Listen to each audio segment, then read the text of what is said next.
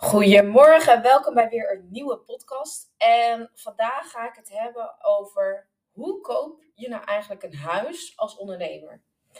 Want het is natuurlijk best wel vaak dat je hoort van ja, weet je, als ondernemer is het heel moeilijk om een hypotheek te krijgen. En uh, waar begin je dan en hoe pak je dat dan aan? Nou, waarom is dat zo in Nederland? Eigenlijk zegt de maatschappij hier dat mensen die in de loondienstbaan werken uh, meer zekerheid zouden hebben dan een ondernemer. Uh, en het is gewoon zo zwart-wit ook ingedeeld in Nederland. Hè? Met andere woorden, als jij je baan kwijtraakt, dan krijg je gewoon uitkering. En als wij als ondernemer een maand geen omzet hebben, krijgen wij geen uitkering.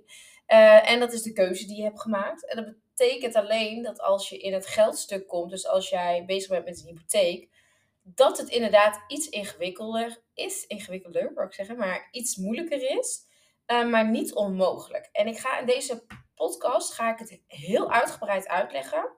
Ik ga heel veel tips geven. En ik ga ook met cijfers strooien. Dus ik ga het ook echt over geld hebben. Um, maar ik weet dat je hier, als je echt een huis wil gaan kopen als ondernemer, dat je echt tegen deze dingen gaat aanlopen. En hoe fijn is het dat je in deze 10 minuten kwartiertje, deze podcast, gewoon heel veel inzichten krijgt hoe je dit kan aanpakken. Nou, eigenlijk het grootste issue als ondernemer is wat jij natuurlijk niet hebt, is die inkomstenverklaring. Die inkomstenverklaring die jij als je in een loondienstbaan zit moet aanvragen bij uh, je werkgever, nou, die heb jij dus niet. Maar er zijn dus partijen in Nederland die wel inkomstenverklaringen maken voor ondernemers. En ja, dit kost wat geld, punt. Dat is zo. Maar je kunt daar wel mee de markt op om eventueel een huis te gaan kopen. Hoe, ben ik, pak ik nou zo'n situatie aan? Nou, wij uh, hebben zelf onze hypotheek altijd bij de hypotheker. Dus we zijn eerst weer teruggegaan naar de hypotheker en verteld van, nou, we willen een nieuw huis gaan kopen, bla bla bla. Wat moeten we doen? Allebei ondernemer. Nou.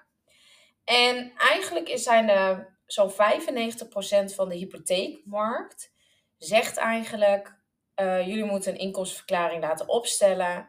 En wij werden doorverwezen naar Raadhuis. En Raadhuis is een van de partijen in Nederland, er zijn er volgens mij vier of vijf, uh, die dit maken.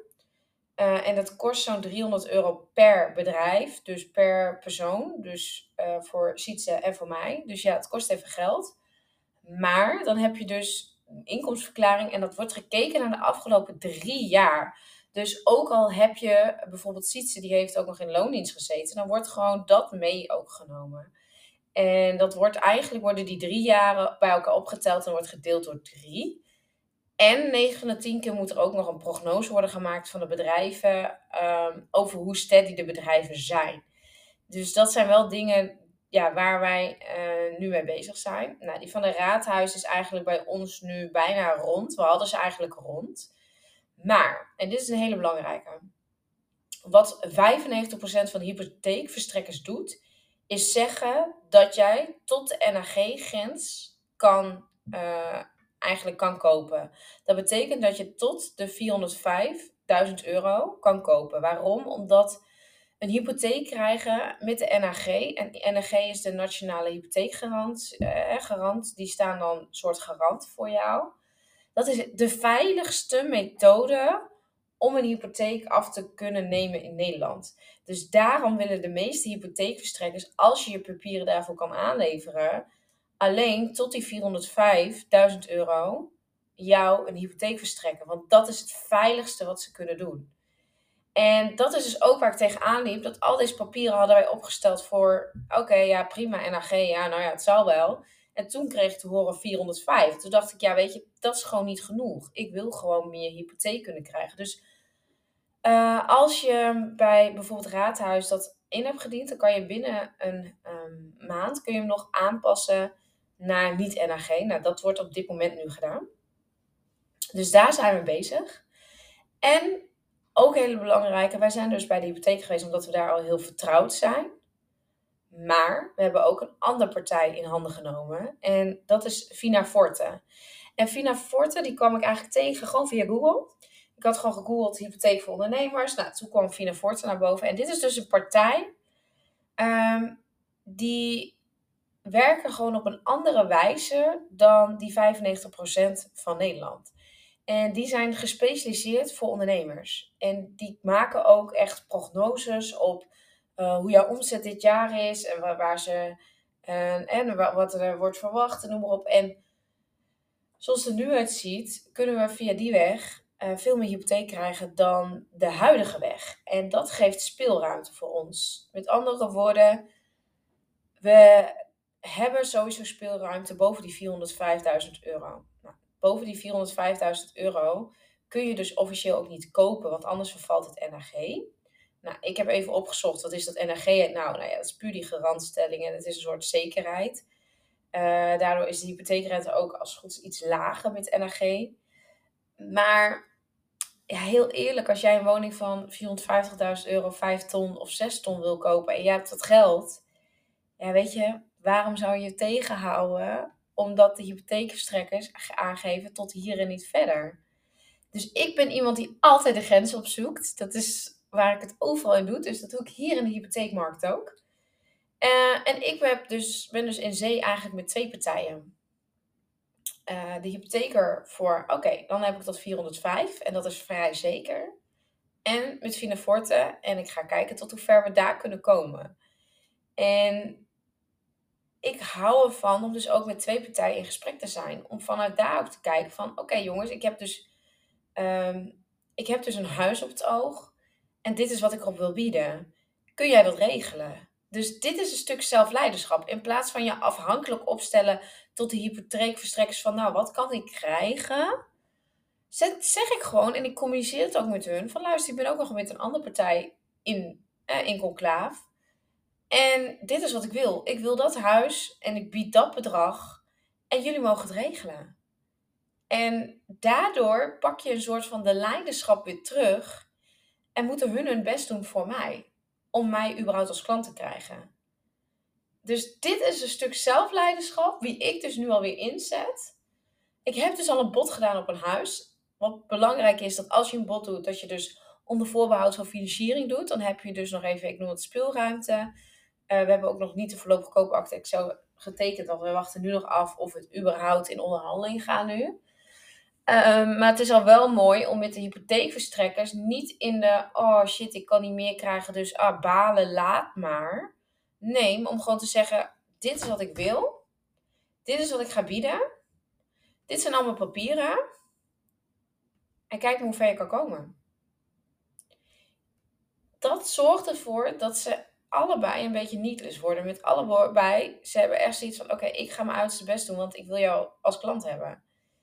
En dat merk ik ook echt dat ze.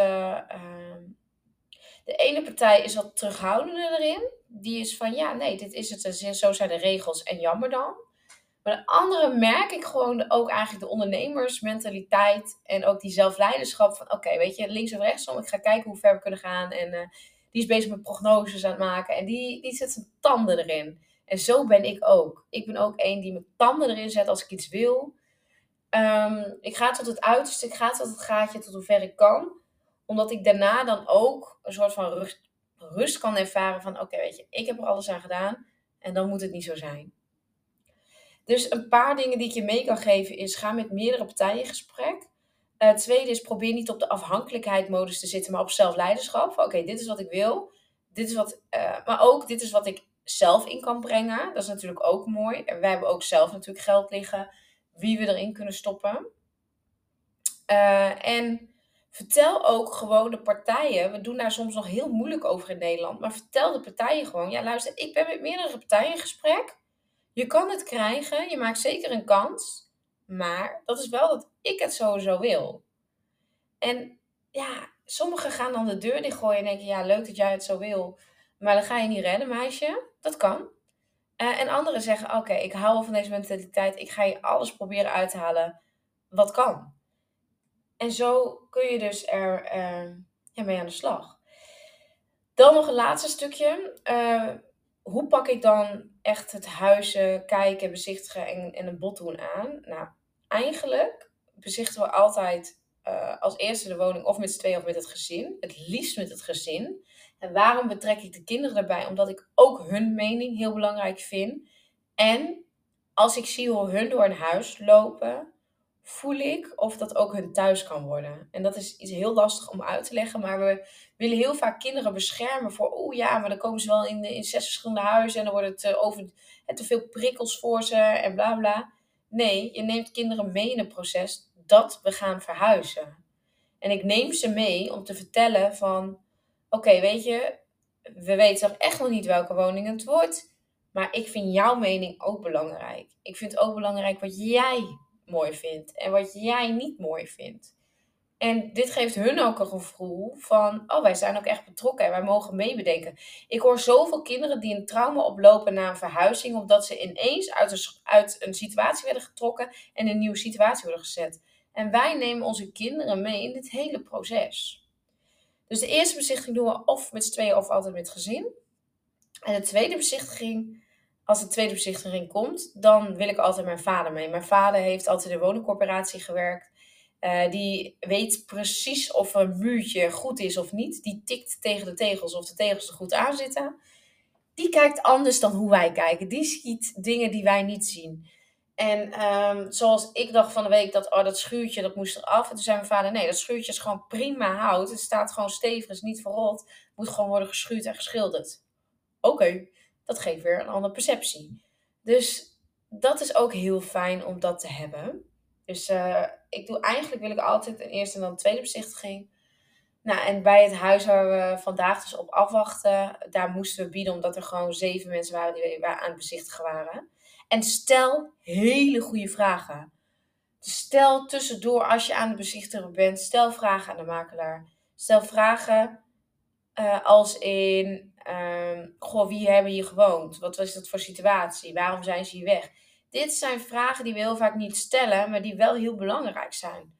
Want waarom gaan mensen uit een bepaalde woning weg? Als jij heel lekker woont of wat dan ook, waarom wil je dan weg? Weet je, die beweegreden kan heel interessant zijn. Kan prima zijn, ja, ze hadden last van de buren. Is niet wat de makelaar waarschijnlijk zegt. Maar soms tussen neus en lippen kun je dat wel opvangen. En nou, de woning waar we bijvoorbeeld vandaag op hebben geboden, die mensen die waren failliet. Dus die moesten snel uit. En nou, weet je, het waren opgekocht en bla. Dus dan weet je ook een beetje de situatie in wat voor onderhandeling je zit. Dus dat is ook altijd heel fijn om te weten. Dus stel veel goede vragen. Dus een paar dingen. Er is echt heel wat mogelijk als ondernemer. Probeer niet op één partij te wedden. Weet dat je dus een inkomstenverklaring kan aanvragen. Um, laat je niet wegschepen met die NRG-grens. Maar weet ook dat daarna gewoon dingen mogelijk zijn. En wees dus ook transparant naar de partijen toe dat je met meerdere partijen in gesprek bent. Waardoor hun allebei een soort van, ik noem het altijd, de tanden in willen bijten, omdat ze graag het binnen willen hebben. Uh, op het moment dat jij afwachtend gaat doen, dan denken ze, oh ja, nou weet je, uh, ja, dan, dan voelen ze ook niet de strijd om er iets voor te moeten doen. Dus ja, eigenlijk als ondernemer pak ik hier dus ook volledig zelfleiderschap. Pak ik hier volledig, eigenlijk, noem het altijd een stukje de macht in de onderhandeling. En daardoor merk ik dat er gewoon veel meer mogelijk is dan je denkt. Dus ik uh, ben benieuwd of je veel aan deze podcast hebt gehad. Laat me vooral eventjes weten. Deel hem ook als je zegt, goh, dit is super waardevol voor mensen die een huis willen kopen. Um, want dat was echt mijn reden, want ik heb heel veel dingen zelf moeten uitzoeken en moeten, uh, ja, moeten onderzoeken. En um, ja, heb je vragen, mag je me altijd even stellen. En dan wil ik je vooral bedanken voor het luisteren naar deze podcast.